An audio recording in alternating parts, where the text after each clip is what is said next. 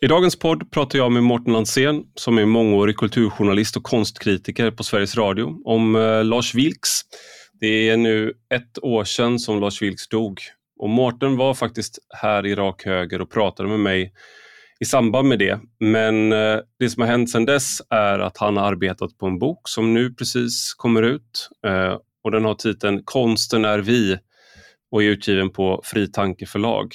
Och den handlar om hur man kan förstå Lars Vilks konst, i vilken kontext man bör placera den i ett konsthistoriskt sammanhang. Det handlar också om Moderna Museet och deras vägran att acceptera eller ta emot rondellhunden när Lars Vilks erbjöd att, att ge den till dem. Hur trovärdig deras argumentation har varit. Det handlar också om vad, vad det säger om konsten överlag, var vi befinner oss i, i vad gäller konst och frihet i, i vårt samhälle. Om, om hur, hur konsten alltmer ses som ett medel för politik. Det underkastas politiska syften som det gjorde en gång på 70-talet. Vi nämner också en gemensam bekant, Kristoffer Rådlund, som eh, avled häromdagen. Eh, och han en av mina favoritkonstnärer alla kategorier. Mårten är en, en, har varit vän med honom i många år. Och Det kom som en chock att han dog. Och han representerar snarare en annan konsttradition än Lars Vilks. Så, men mellan dem uppstod en osannolik eh, vänskap och korrespondens. Så det pratar vi också om. Men nu till dagens gäst. Du lyssnar på Rak Höger med mig, Ivar Arpi.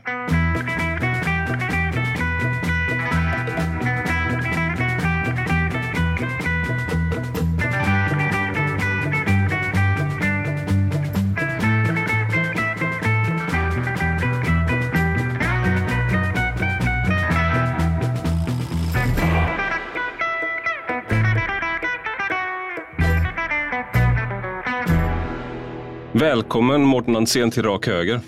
Tack Ivar. Välkommen tillbaka ska jag säga. För vi, du var här för ungefär ett år sedan, nästan exakt ett år sedan och då pratade vi om Lars Vilks och det ska vi göra idag också. Men det som har hänt sedan dess är att du har blivit med bok. Du har skrivit eh, eh, Konsten är vi och det handlar om Lars Vilks men också om eh, Moderna Museet, om konstbegreppet eh, och, och, Moderna muse Det vi pratade om för ett år sedan, det var eh, Moderna Museets beslut att inte ta emot eh, Lars Vilks rondellhund in i sina samlingar. Eh, och det är den, liksom, det beslutet som din bok eh, kretsar kring. Kan du bara redogöra liksom för hur processen med eh, Lars Vilks, jag tänker att de flesta känner till rondellhunden och tillblivelsen och sådär vid det här laget. Men hur resonerade man från Moderna Museets sida när man, när man nekade så att säga, ta emot eh, Lars Vilks rondellhund?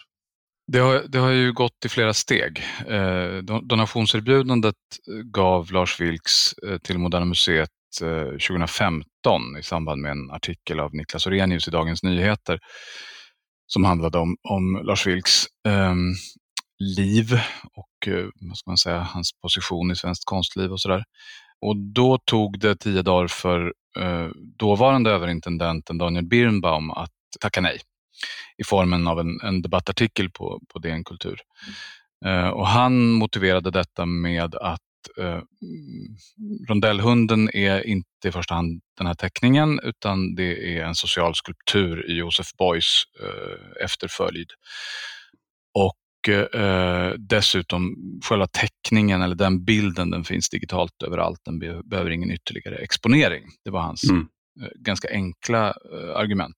Men kvalificerade med utgångspunkt i liksom vilken konstnärlig tradition då som, som eh, Lars Vilks verkade. Eh, sen när Lars Vilks omkom eh, den 3 oktober i fjol, då eh, framfördes av en del eh, konstkritiker, bland annat jag själv, att Moderna Museet nu borde eh, fundera på det där. Om man inte skulle ta hand om den här teckningen i alla fall. Mm. Det här är trots allt det samtida konstverk som väckt mest uppmärksamhet och haft störst eh, betydelse i, i Sverige under 2000-talet. Och då tog det eh, tre, fyra dagar för eh, nuvarande överintendenten Gitte Örsko att svara i eh, en debattartikel i Sydsvenska Dagbladet ehm, där hon angav jag tror jag fick räknade det till sex eller sju olika Sju argument. tror jag du skriver i boken. Ja, ja precis. Um, Inom argumentationsteknik brukar man ju säga att uh, ju fler argument du anger, uh, desto svagare blir din argumentation. Alltså att du, du försvagar ju fler, för då verkar det som att du inte tror på något av argumentations, någon av argumentationslinjerna. Just det, och hon, hon fick ju också ta tillbaka eh, ett, ett av de, de, här argumenten, nämligen det att eh, hon ifrågasatte då att så många eh, konstkritiker tyckte att det var självklart att eh, eh Moderna Museet skulle ha konst baserad på hatisk och kränkande ikonografi i sin samling. Och det där väckte ju viss uppmärksamhet därför att Moderna Museet är ett museum över modernismen och eh, som en ganska central komponent i modernismen eh, och, och, och, den moderna konstens sätt att utvecklas ligger ju provokationen. Mm. Eh, och, ja, när jag satt och, och, liksom, och skrev på den här boken då, då eh, gick jag in på, Moderna Museet har ett väldigt fint digitalt eh, samlingsregister, för man kan gå in och söka på konstnärer eller enskilda verk. Och då eh, tänkte jag så här, ja men vi, vi kollar vad de har. Och så eh, sökte jag bara helt öppet på teckningar. Och det mm. finns, det är ett antal, eh, ett, an, ett, ett antal tiotusen. Eh, och så bläddrade jag och det tog väl ungefär en par, tre minuter eh, tills jag stötte på då en teckning av um, signaturen Gurr, Björn Gustafsson, en, en skämttecknare som var mest aktiv på 50 och 60-talet.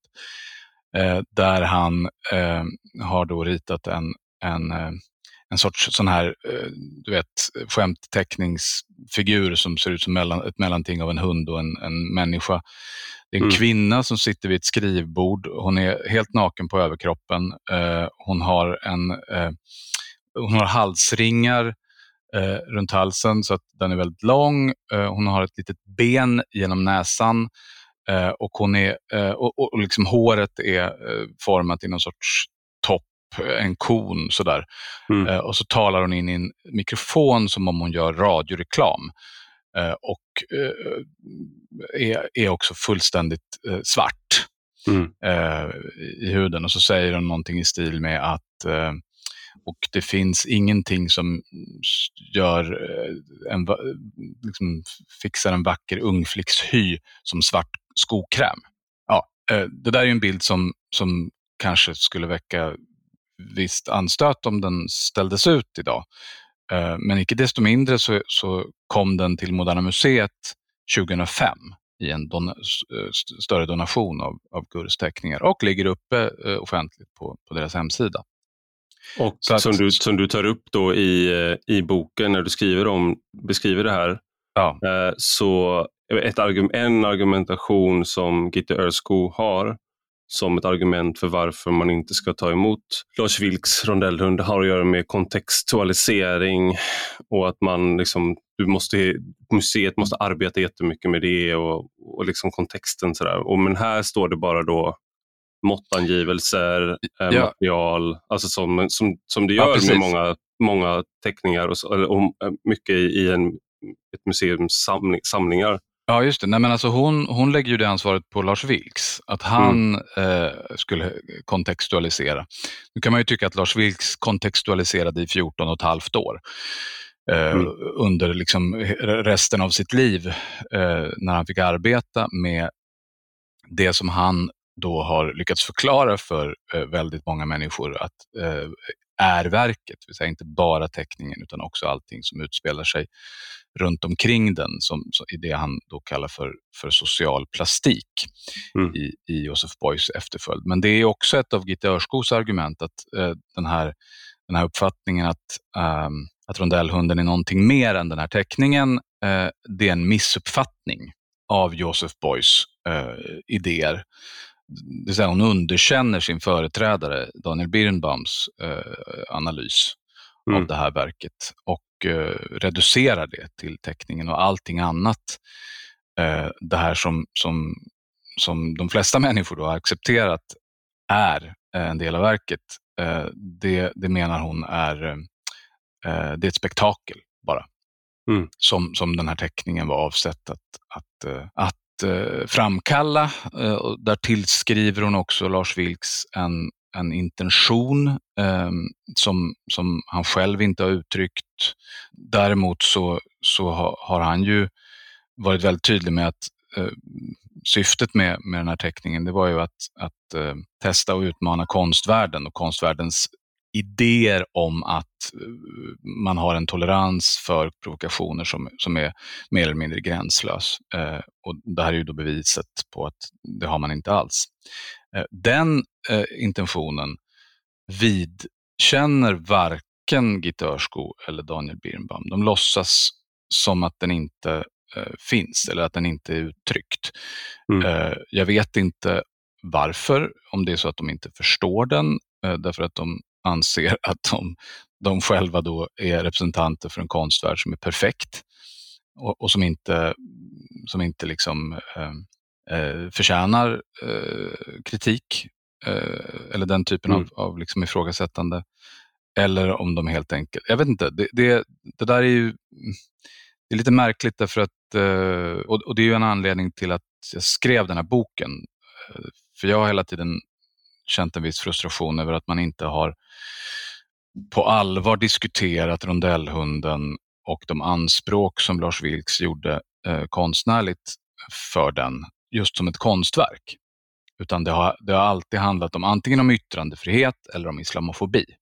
Just det. Ja. Och Det är där jag då som, eh, som politisk eh, skribent, eh, framförallt politisk skribent, eh, har ju, det är så Lars Vilks kom in i liksom den, min sfär, eller vad man ska säga. Då debatterade man om eh, yttrandefrihet och att han, man ska försvara hans yttrandefrihet. Och så där. Men det, det jag tycker är intressant med din bok och med din, eh, dig som konstkritiker och som då en viktig eh, eh aktör i konstvärlden, det är, det är just hur du visar då att Moderna Museet i sin, när, den växer, när det växer fram på 60-talet och, liksom, och, och, blir att det, för, för, om man inte liksom kanske känner till hur konstvärlden fungerar så kan man missa att Moderna Museet har gått i bräschen för både att eh, definiera vad modern konst är, men också vara medskapare till konst. Och som du visar då, den typen av konstverk som Lars Vilks själv sa att han gjorde och stod för.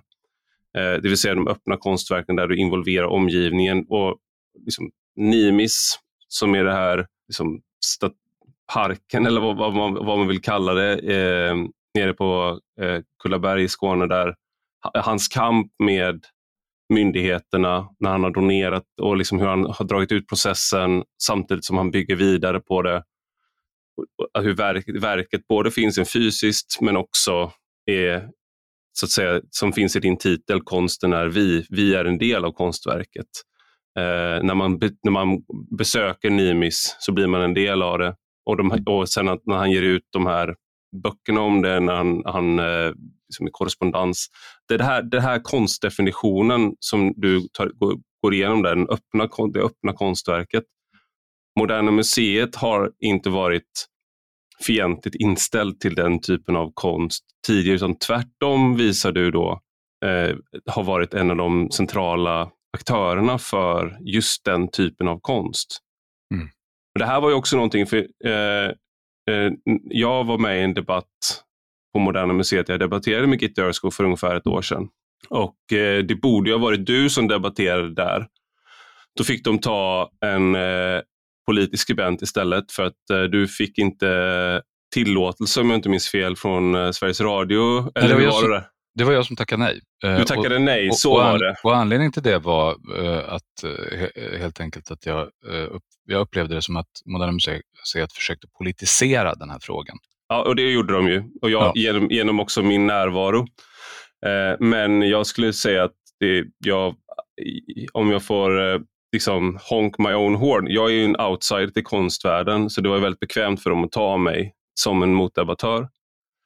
Men jag skulle säga att det argumentet som jag framförde där var just att egentligen det som, som du sen liksom har gjort i boken, fast mycket mer grundligt och eh, med större auktoritet. Just att det här är ju inte någonting som är främmande för Moderna Museet.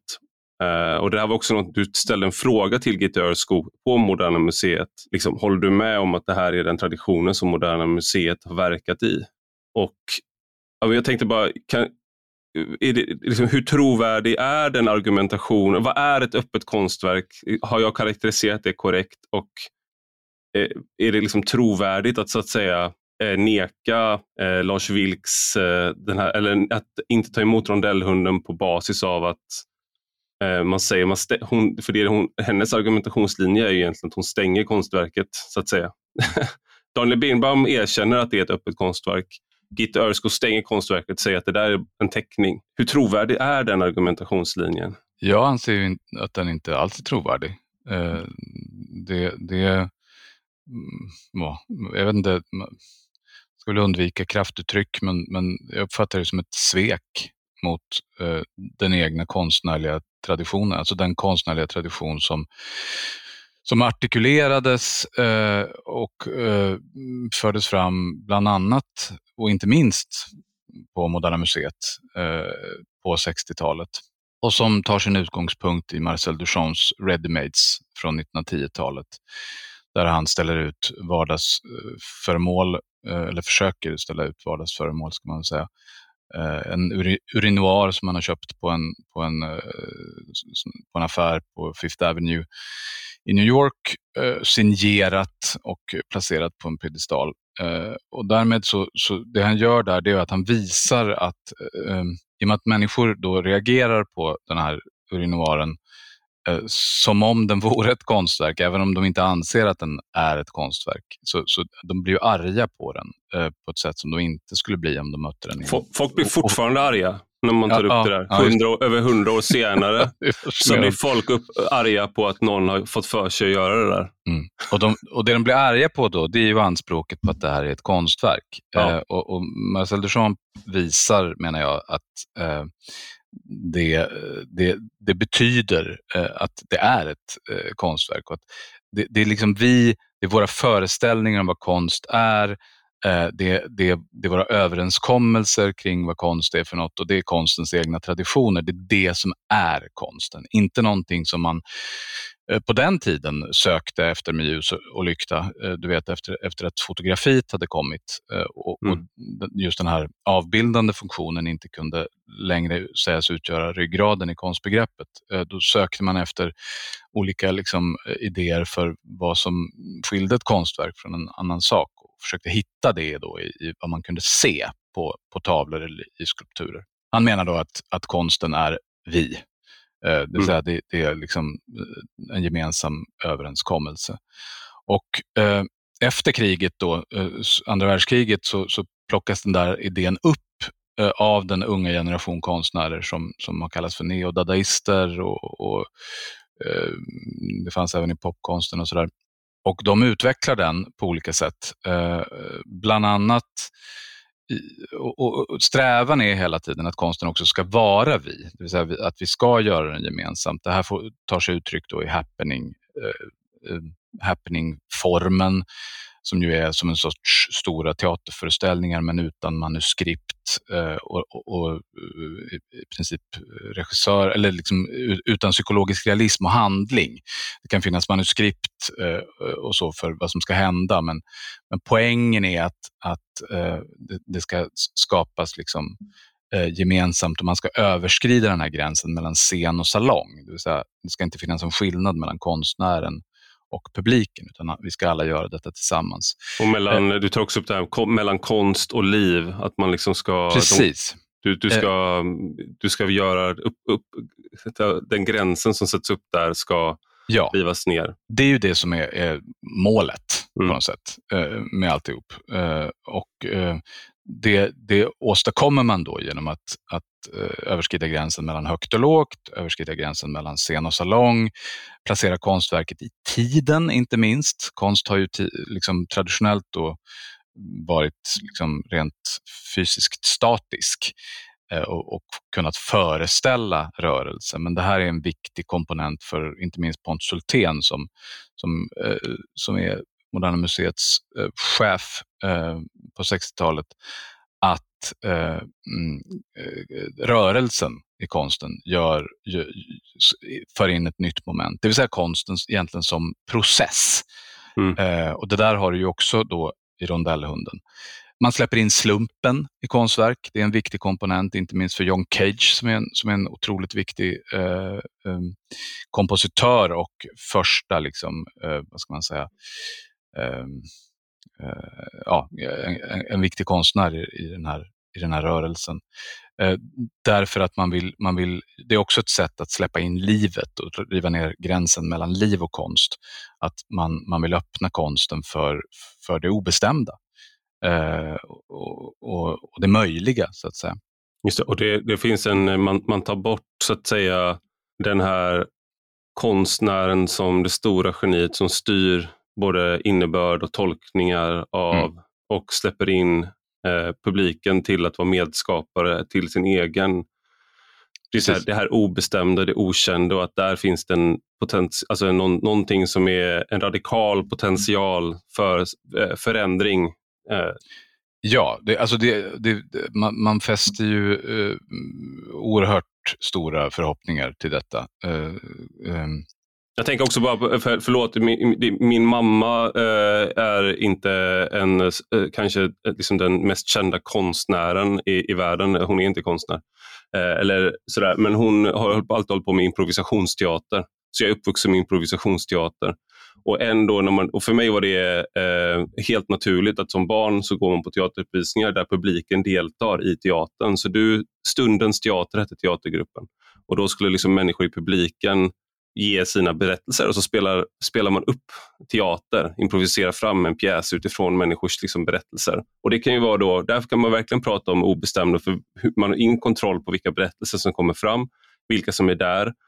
Och man har heller ingen kontroll på vad, ens, liksom, vad som kommer ut av det. Och jag tänker att det är den här eh, 60-talets liksom, radikala ideal där som slump och där, att det mm. fanns mm. även i mindre, att det sipprade ut på många ställen Liksom i, och tänk också på så här böcker som Tärningsspelaren som alla, alla coola tonårskillar när, när jag växte upp, eller så här, vi läste, många, många läste den, som handlar just om en akademiker tror jag han är som börjar slå tärningar för att bestämma vad han ska göra för att få in, bryta ner gränser och sådär. Eh, mm. det, går inte, det går inte jättebra i den boken. Det är inte en så här superbehaglig eh, så bok, men det, det här, de här idealen fanns på många ställen eh, efter mm. andra världskriget. Det låg i tiden. Ja, men Moderna Museet var där, var pionjär. Liksom.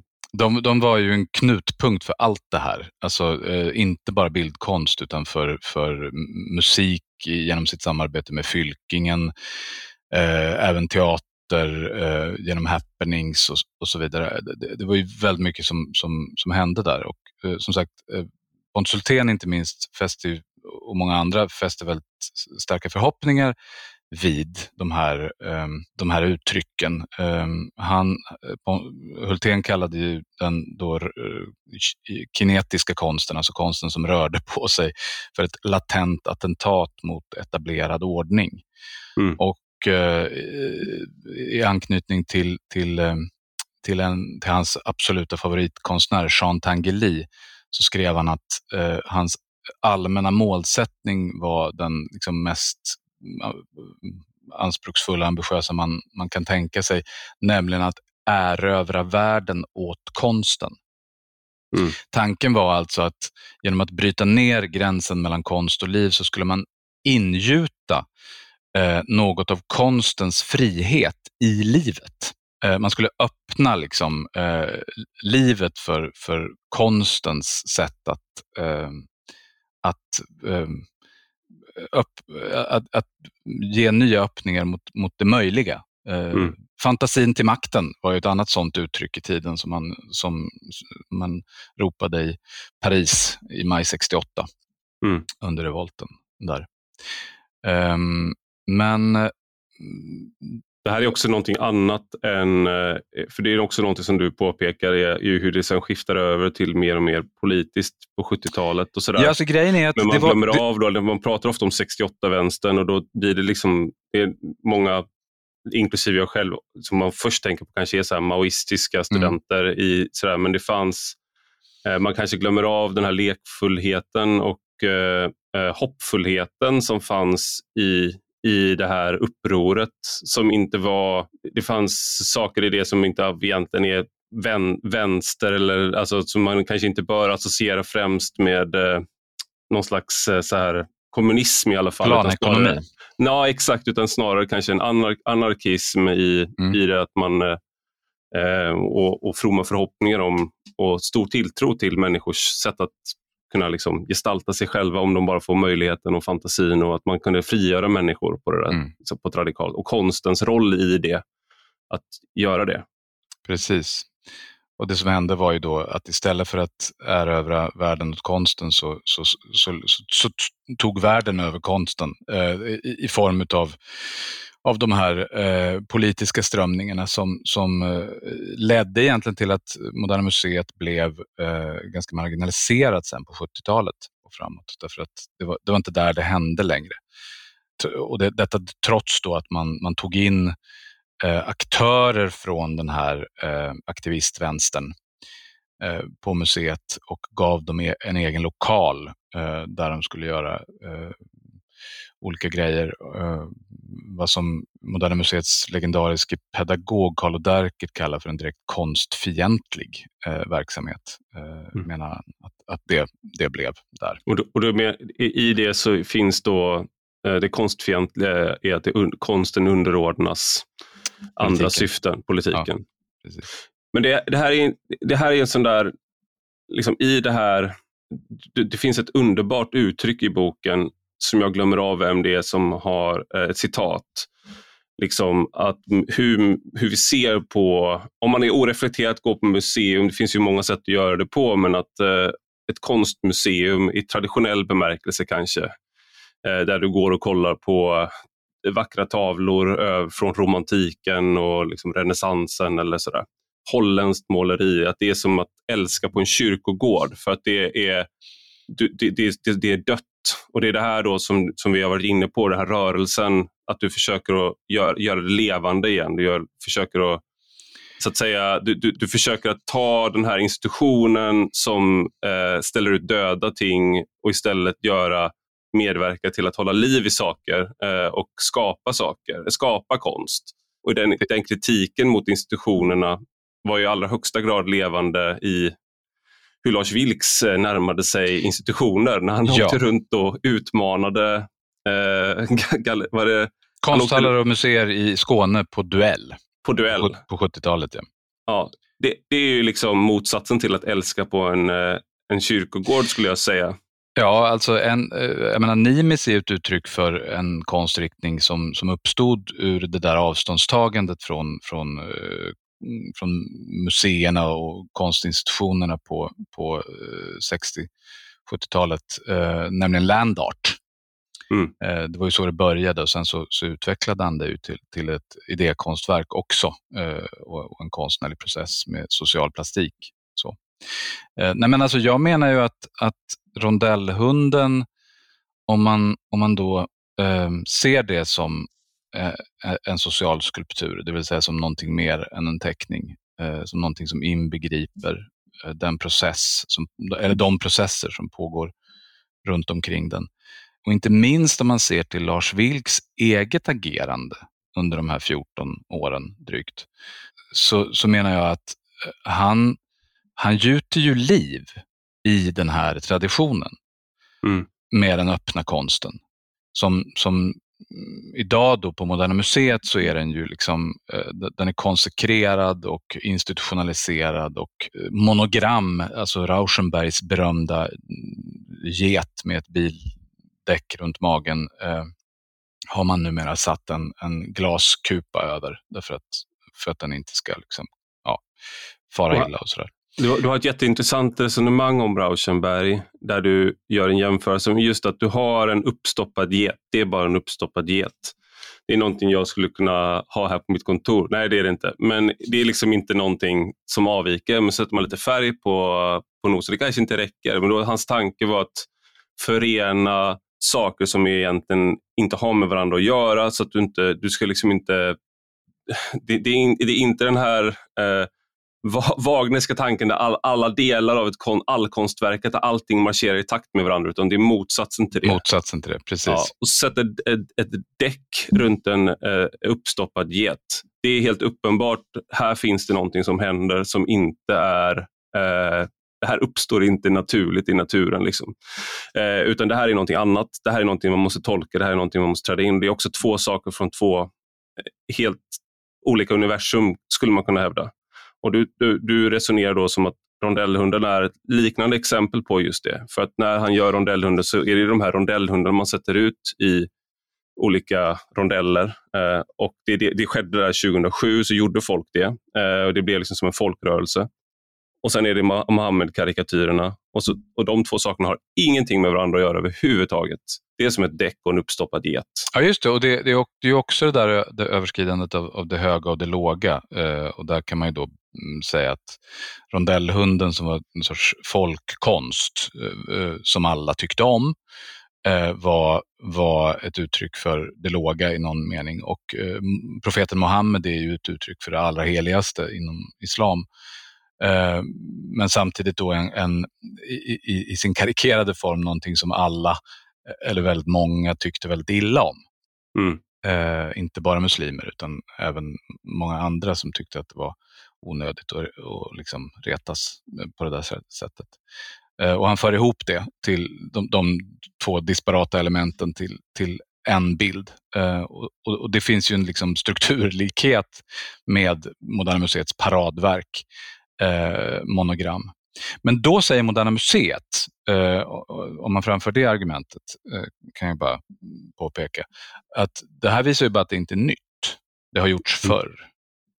Det är ju ett väldigt högt krav att ställa på konstverk generellt, att de ska komma med någonting helt nytt. Jag tror inte att särskilt mycket i Moderna Museets samling, åtminstone inte från och med 80-talet och framåt, skulle kunna leva upp till till, den, eh, till det kravet.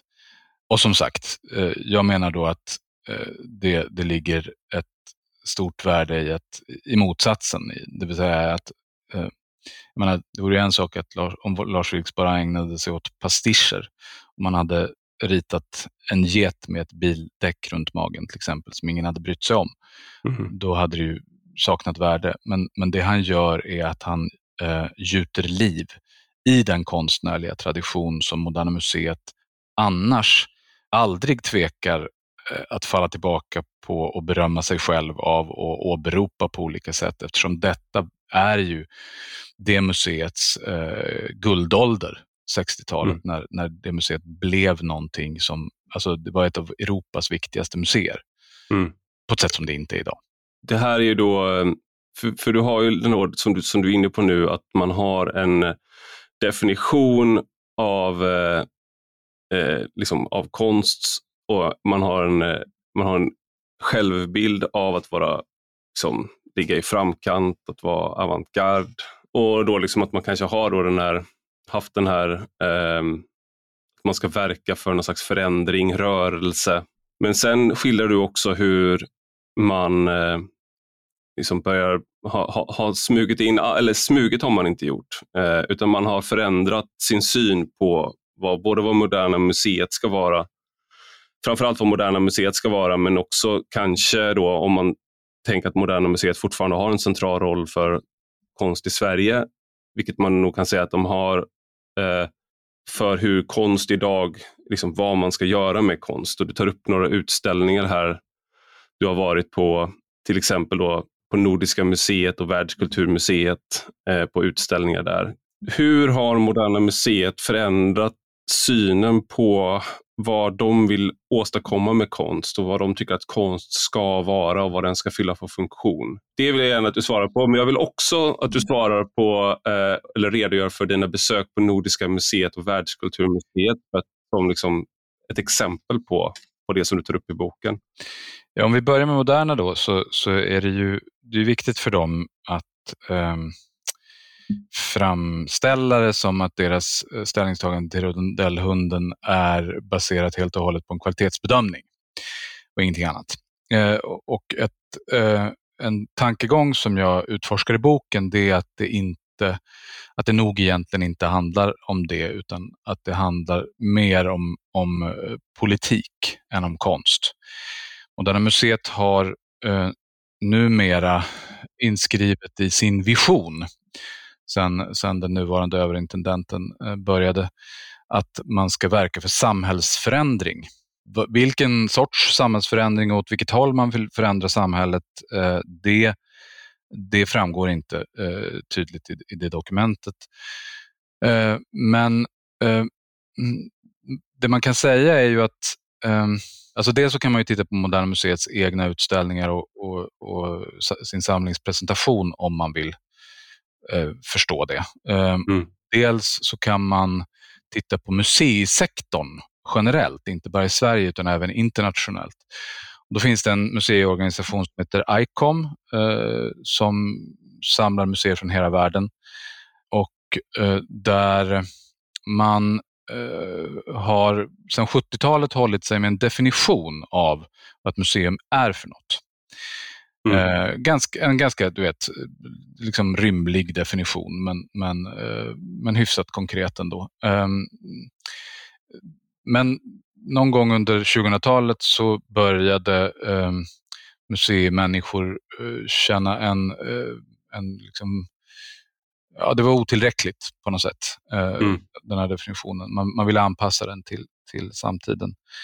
Och eh, Det jag beskriver då i boken är hur den där processen gick till och vilka argument man använde och eh, inte minst den, hur den mm, definition som man tog fram då eh, under ledning av den tidigare chefen på Världskulturmuseet i Göteborg faktiskt. Ehm, eh, och det är, en, det är en väldigt lång definition eh, med en massa ord och där man bland annat då kommer fram till att museer Eh, ska verka för social rättvisa och planetärt välbefinnande. Och den där definitionen den blev, den blev ganska omstridd i, i, inom ICOM, så den, den släpptes aldrig fram till, till eh, omröstning vid generalförsamlingen.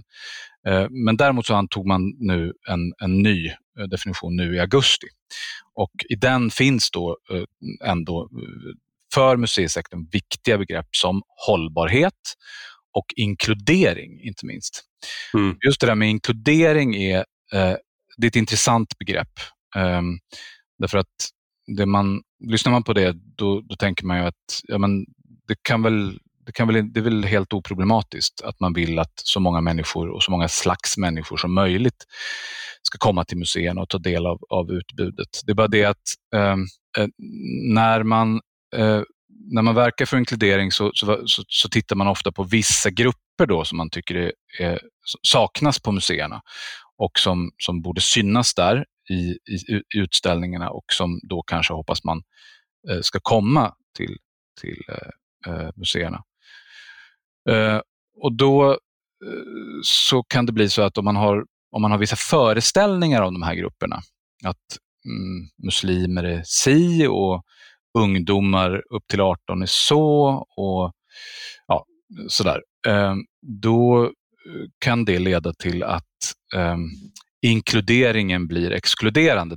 Därför att man, då vill man inte ha någonting som kan stöta bort de här grupperna som man är ute efter.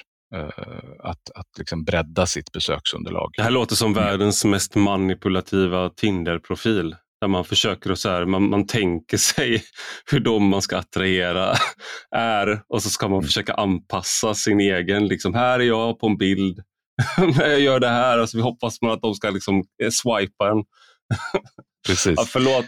Ja, nej, nej men absolut. Det, det, det, det, är en, det, det, det är en träffande iakttagelse.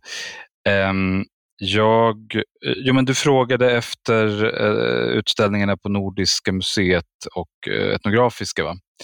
Eh, och Det var ju under avdelningen planetärt välbefinnande eh, mm. och det här med hållbarhet. Och eh, Det var så att ehm, general, dåvarande generaldirektören på Sveriges museer, som är någon sorts motsvarighet i Sverige till, till ICOM internationellt, Ehm, han sa att, eh, apropå den här omstridda definitionen då med, med planetärt välbefinnande och social rättvisa och det där, uh, att det här stärker och styrker hur svenska museer redan jobbar. Så då, då, då, då tar jag några exempel på det.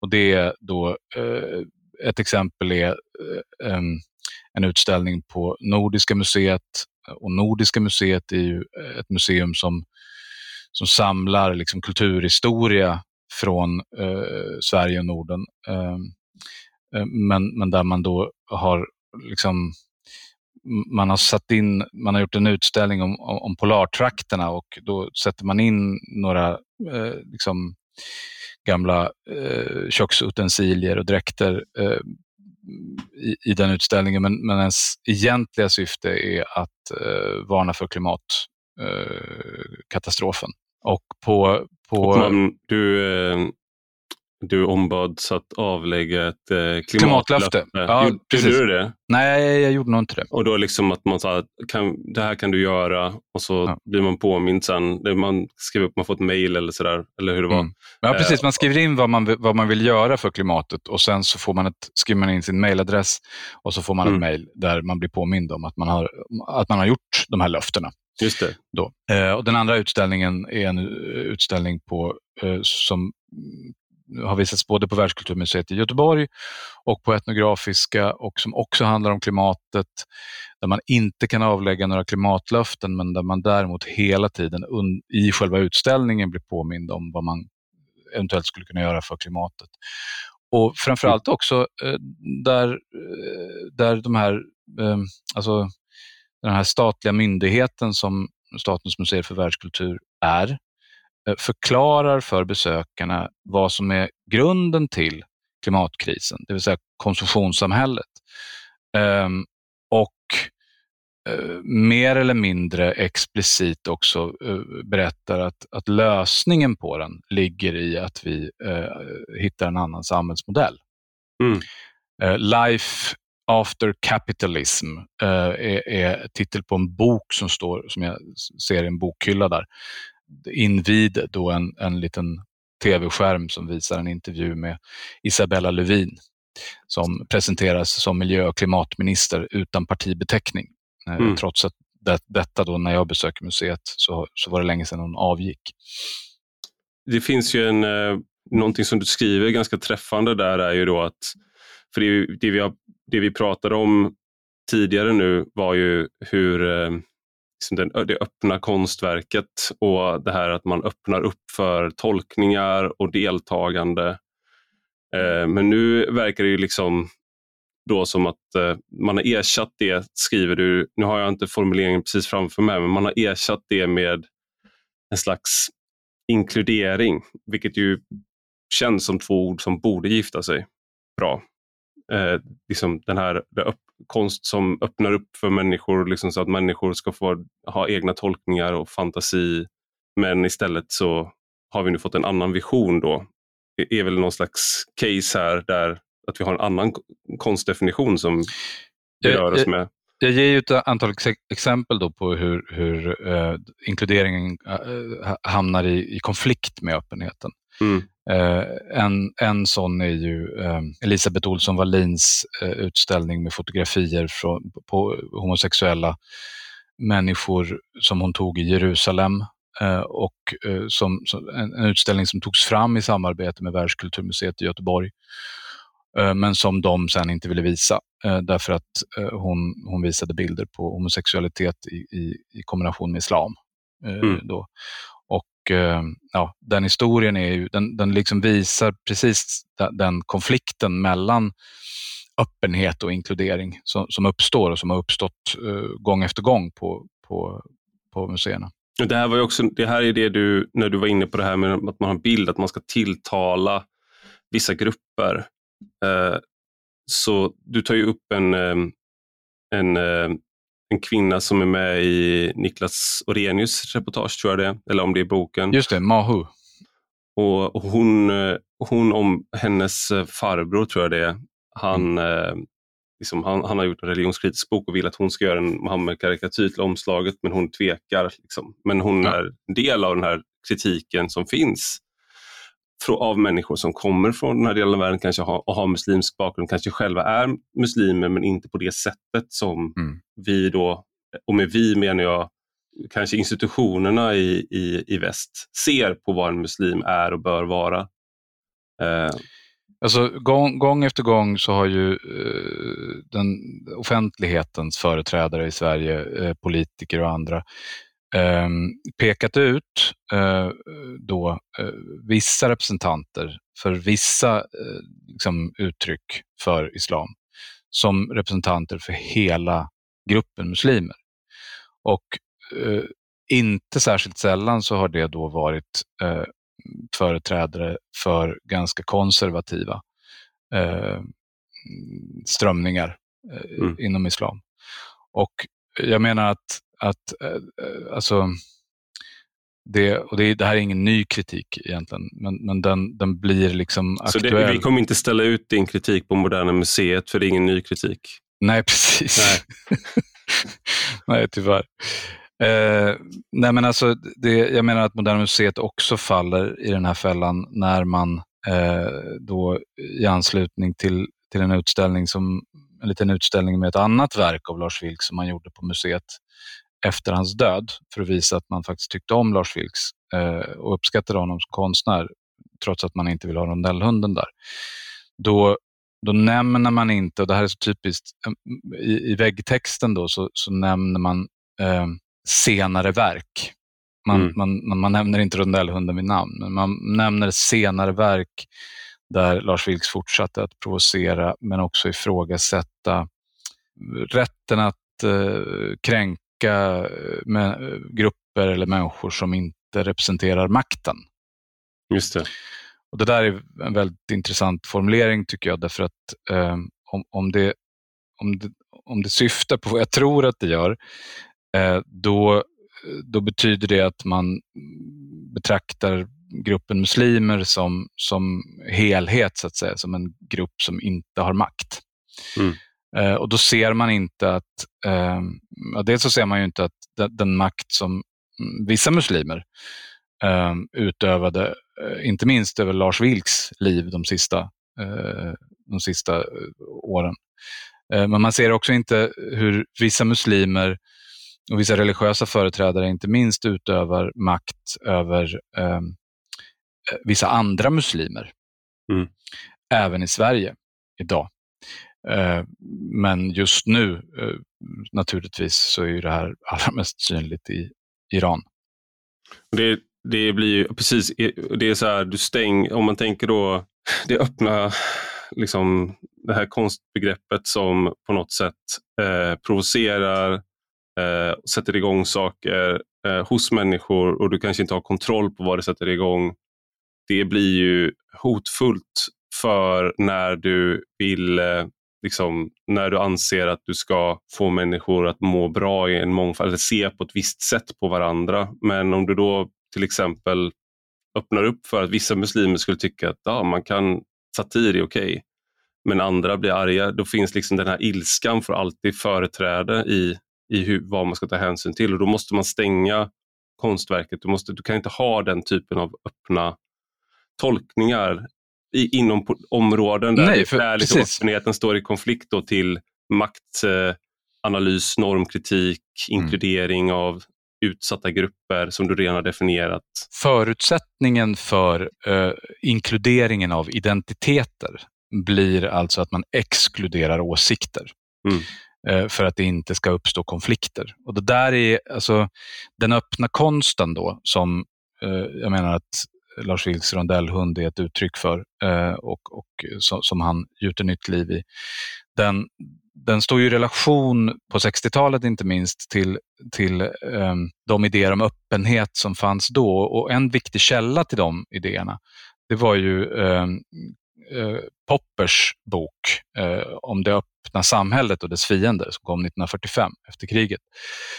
Och där han eh, gör uppräkningen kan man säga med, med, med en sorts historiedeterminism som finns inte minst inom marxismen eh, men även då eh, inom eh, fascismen. Att, att historien går förutbestämd åt ett visst håll. Mm. Eh, och, och han, han härleder ju det tillbaka till Platon då, eh, som var den som man menar liksom den, den första tänkare som, som Eh, reagerade på och bjöd motstånd mot det öppna samhället.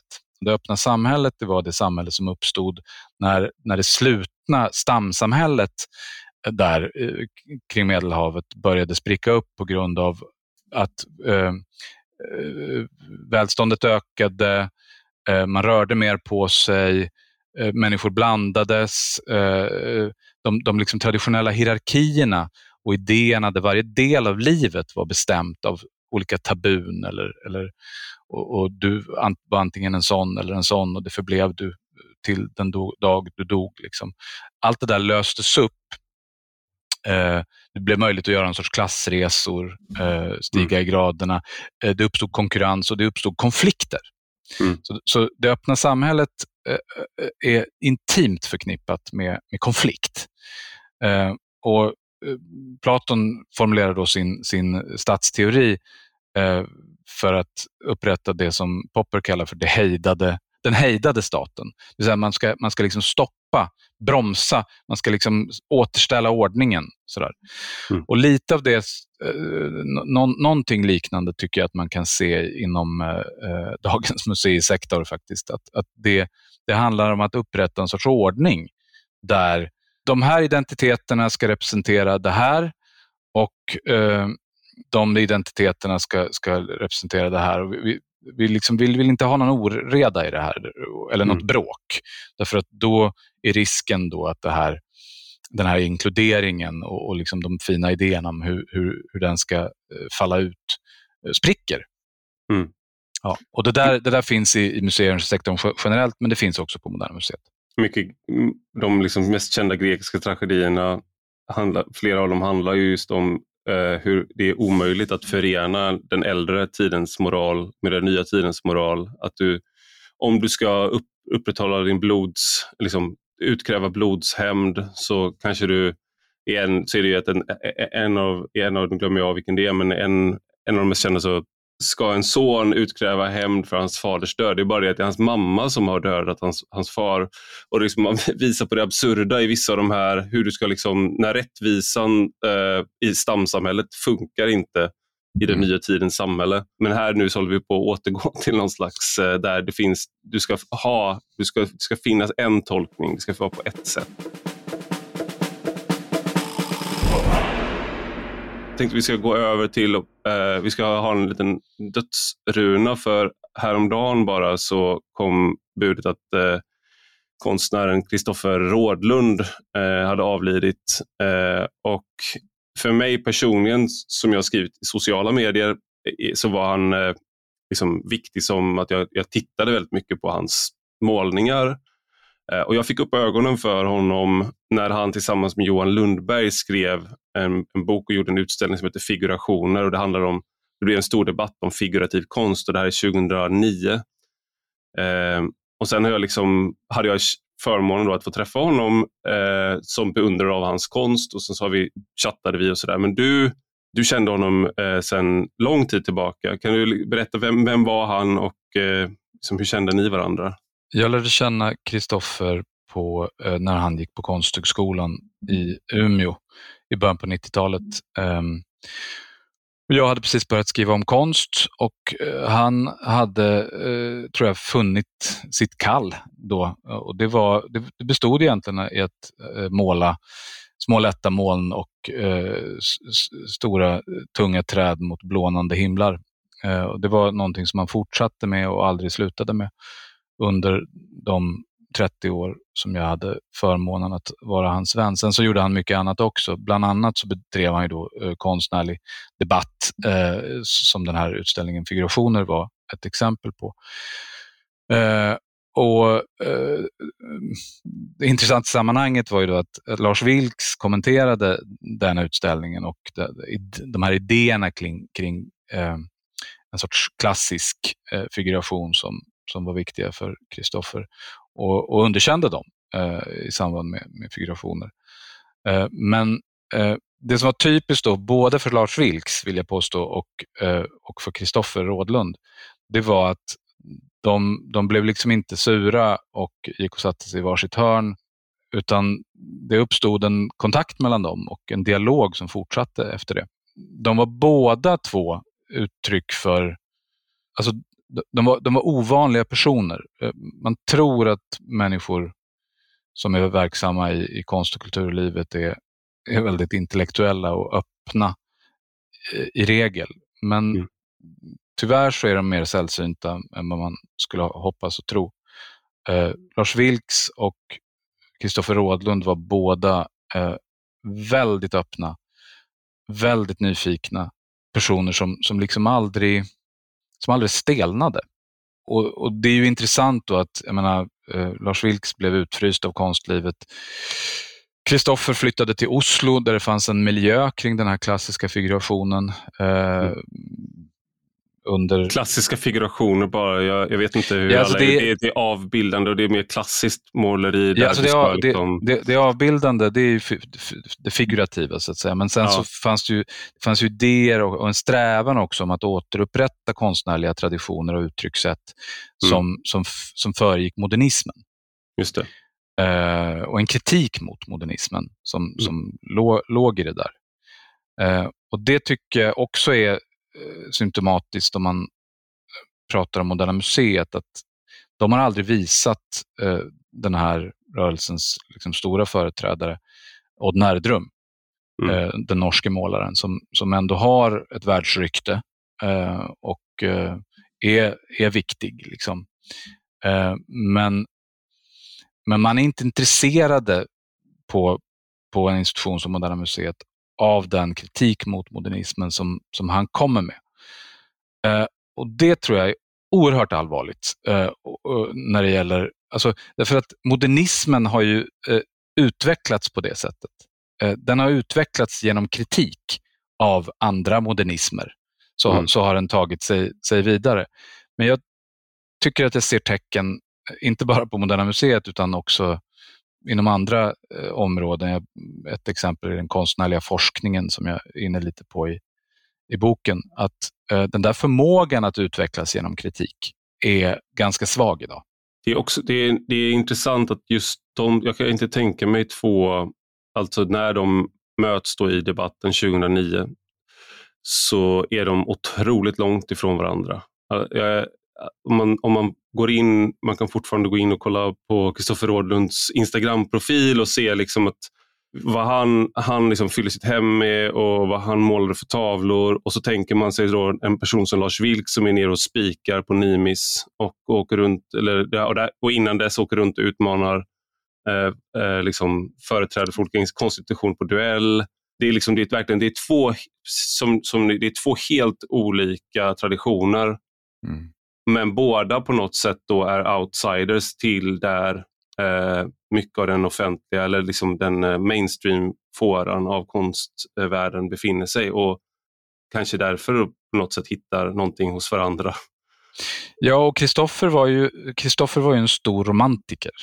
Mm. Alltså han, han, han, han hämtade ju Alltså de här molnen och de blånande himlarna. Han, hans, hans konstnärskap var ju eh, alltså besjälat först och sist av kärlek till mm. de här motiven och till den här konsten. Liksom. Medan Lars Vilks var ju på många sätt en, en sorts postmodern, eh, lite cynisk trickster. Mm. Så, eh, som, som var kanske mer intresserad av att undergräva och kritisera. Mm. Eh, men samtidigt så finns det, om man åker ner och, och besöker Nimis, vilket jag rekommenderar alla att göra, då inser man ju att Nimis utgår ju också ifrån, i allra högsta grad från en romantisk impuls. Mm. Och Egentligen så kan man nog säga att rondellhunden också gör det, därför att den, den, därför att den handlar om frihet. Och romantiken handlar i grund och botten också om frihet. Så det, på något sätt är båda, eh, båda är opolitiska i bemärkelsen att eh, Lars Vilks kanske är mer i bemärkelsen att han är opolitlig att han inte har en tydlig riktning. Att han inte går att lita på, alltså som du säger, en trickster. Fast jag menar att han har en ty väldigt tydlig riktning. Ja, men det, den är inte, du kan inte låsa, samtidigt jag skulle ändå hävda att han inte går att inordna i en uh, politisk ideologi, så att säga. Att han kan inte, man kan Nej, inte, och det är ju en del av hans riktning. Vilks, okay, ja, men, och, det är, en, det är en väldigt viktig komponent av hans riktning och av rondellhunden inte minst. Att eh, Hans kamp för att hålla det konstverket öppet mm. eh, för tolkningar. Att inte säga, nej men jag är inte sån. Eh, mm. och, eller jag är sån. Liksom. Ja. ja. du vet. Det enda han sa om in, sin intention med konstverket det var att han ville, han ville liksom blottlägga konstvärldens brister. Mm. Eh, Otroligt men... frustrerande för alla oss som ja. Eh, arbetar med politik där man i, allra helst så ska du deklarera alla dina eh, etiketter tydligt, ungefär som det här med att man ska säga sina pronomen. Så är det ju med den politiska världen. Vi var först med det. Att du måste säga från början vilken ideologi du bekänner dig till innan du får börja prata. Och Lars Vilks vägrade att göra det. Eh, så att säga, det är upp till er att bestämma. Eh, och Det är otroligt frustrerande i en värld där man vill höra, någon måste berätta vilken essens de bär på eh, för att du ska kunna placera in dem. Och Det är en väldigt viktig poäng med rondellhunden menar jag. Ja. Det, det, är liksom den, den jag skriver någonstans att, att den är, är en övning i att uthärda det oavgjorda. Det, det är liksom den didaktiska, den, den lite liksom pedagogiska komponenten i rondellhunden. Eh, och Det har att göra med, med, med öppenheten, det öppna i, i, konsten. Konstens erbjudande till, till oss eh, mm. och det, det som den är eh, ensam om. Eh, faktiskt. Att, att, eh, eh, att erbjuda en öppning mot det okända. Jag ser konsten som, är, jag ser allting i termer av religion, men jag ser konsten som en, en möjlig, det är liksom en mystisk väg eh, mot någon, en upplevelse som går bortom det, det omedelbara. Alltså det, det är ett sätt för oss som kanske, för människor som kanske inte har en gud att, att närma sig eh, just det obestämda, det okända och sånt där. Det är min romantiska syn på konst, eller så här, som jag tycker att det framgår i, i just det här med det här öppna begreppet. Jag, jag tänker en, en sak, vi ska bara gå tillbaka som avslut där, för du, några saker som är lite sådär, jag vet inte, talande får man väl säga, det är när Gitte Örsko, vilka mejlsvar hon får på sin artikel i Sydsvenskan och liksom vilka det är som skrivit till henne och berömmer henne för det hon har skrivit. Kan du liksom ta upp var, vilka det är och varför du tycker att det är någonting som är värt att ta upp i, i boken? Ja, därför att det första mejlet kommer ju från um... Hanna Stjärne på SVT va? Nej, eh, alltså um, det, först, det, det, är det första mejlet som jag citerar, men, ja. men eh, nu tappar jag hennes namn. Vår nuvarande kulturminister. Jeanette Gustafsdotter. Tack. Jeanette Gustafsdotter eh, skickar ett mejl redan före lunch den fredag som, som eh, Gittörskos eh, debattartikel i Sydsvenskan eh, publiceras. Och hon skriver eh, kort och gott, mycket bra debattartikel i Sydsvenskan idag. Jag instämmer helt med dig. Mm. Och det, nu när hon skriver det så är hon, eh, så är hon eh, generalsekreterare för eh, Sveriges museer. Mm. Och eh, kort, en kort tid senare så eh, ansluter hon sig till Socialdemokratiska partiet och blir sen minuter senare, eller vad man ska säga, ja. kulturminister. Eh, och som kulturminister så är hon ju, så är hon ju en, en varm anhängare av konstnärlig frihet och, och tar bort såna här eh, pålagor i, i eh, regleringsbrev och sådär. Att, att konsten ska, ska verka för olika goda syften, jämställdhet och, och mångfald och sånt. Och att man mm. istället ska förvalta den konstnärliga friheten. Men som företrädare för, för Sveriges museer så är hon då eh, en varm anhängare av begränsningar i den konstnärliga friheten. Att här drar vi en gräns, eh, det vill säga för rondellhunden.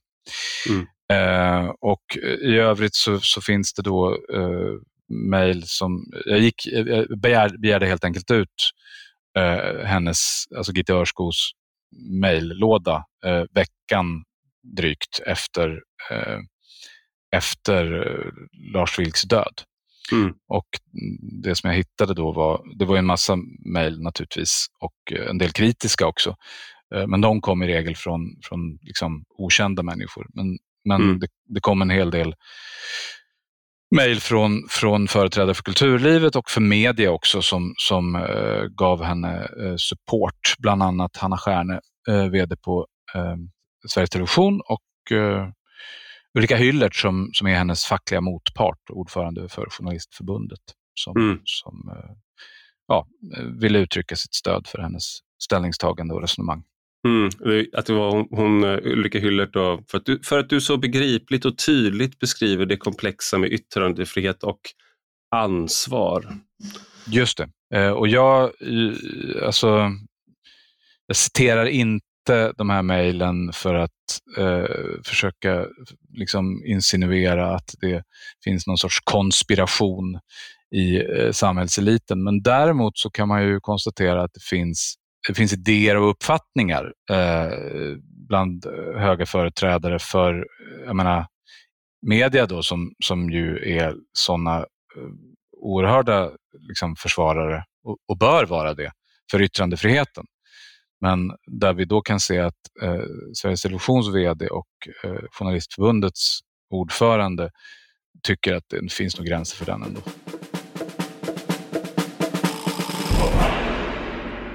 Nu när vi pratar så har du, eh, är det morgon på fredagen den 7 oktober och igår kväll, då, torsdagen den 6 oktober, så var du, deltog du i en debatt på eh, Kulturhuset som jag tyvärr inte kunde vara med på, eh, där du pratade om de här frågorna. Och då hade du en motpart från eh, Moderna Museet. Och jag tänkte bara egentligen höra liksom, hur, hur, hur gick debatten eh, och Fick du någon klarhet som du inte har fått tidigare? i Nu när de har läst din bok, har de omvärderat, tänkt om? Är det något argument som har bitit på dem? Nej, de har ju bestämt sig. Uh, och uh, det är ju kvaliteten uh, som det är fel på. Och mm. det en, en aspekt som tyvärr inte riktigt, alltså jag borde ha frågat Fredrik Liv, chefsintendenten, om, om jag borde bett honom utveckla just det här med, med att eh, rondellhunden inte är en social skulptur och hur de har resonerat kring det. För det, det tycker jag är ganska intressant, hur man, hur man kommer fram till en sån sak. Eh, vad, vad är liksom kriterierna för vad som kan vara en social skulptur och inte vara en social skulptur? Mm. Um, det, det, det är liksom lite obehagligt diffust. Men, men samtidigt så, är, så tyvärr så är det ju så att jag, jag, kan, jag kan inte riktigt ta deras argument på allvar därför att konstlivet har eh, eh alltså, nästan som en man haft ungefär samma förhållningssätt till rondellhunden ända sedan 2007. Och det, alltså, anledningen till att man inte vill ha den eh, eh, i närheten, det är att å ena sidan rädsla för eh, det våld som den kan, kan föra med sig eh, från terrorister och andra. Och å andra sidan eh, ett obehag eh, i förhållande till de eh, liksom, mm, eh, politiska anknytningar som, som man uppfattar att den har. Eh, Lars Vilks själv var ju, han, han följde ju rondellhunden dit den gick och eh, svarade på de inbjudningar som han fick. Eh, och som du var inne på tidigare, tog inte politisk ställning själv utöver det. Men eh, väldigt många, får inte säga de flesta i konstlivet, uppfattar nog ändå eh, Lars Vilks, därför att han inte tog avstånd då eh, från, från högern som, som någon sorts eh, ja, högerextremist i, i, i fårakläder. Eh, så. Och jag tror att det egentligen i grund och botten är samma anledning som Moderna Museet eh, inte vill ha den där. Eh, faktiskt. Ehm, det, det, är min, mina five cents. Sen, har de, sen kan de inte säga det, utan de, de säger att de inte är intresserade av den för att den har så... Det är, det är ett så dåligt konstverk.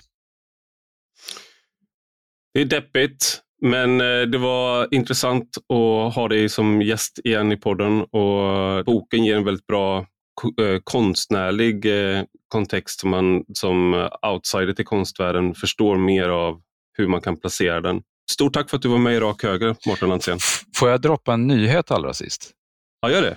Jag träffade nämligen Lars Vilks änka förra helgen och då sa hon så här till mig, de får aldrig den. Då ska de komma och be på sina bara knän.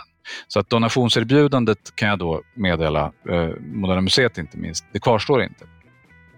Okej, okay. det var... Eh, det var jag stöttar henne 100% i det. De förtjänar den inte. Stort tack Mårten. Tack Ivar. Och stort tack till dig som har lyssnat. Gå gärna in och skriv en recension på Apple Podcasts eller i den app där du lyssnar på podden. Och detta är alltså en del av en större publikation på Substack med samma namn som podden. Och den som prenumererar där kan även ta del av de texter jag skriver. Gillar man det man läser och hör får man gärna bli betalande prenumerant för 5 euro i månaden eller 50 om året. Då får man ta del av lite exklusivt extra material också. Du hittar rubbet på ivararpi.se. Och har du några frågor eller synpunkter kan du alltid mejla mig på ivararpi Vi hörs igen.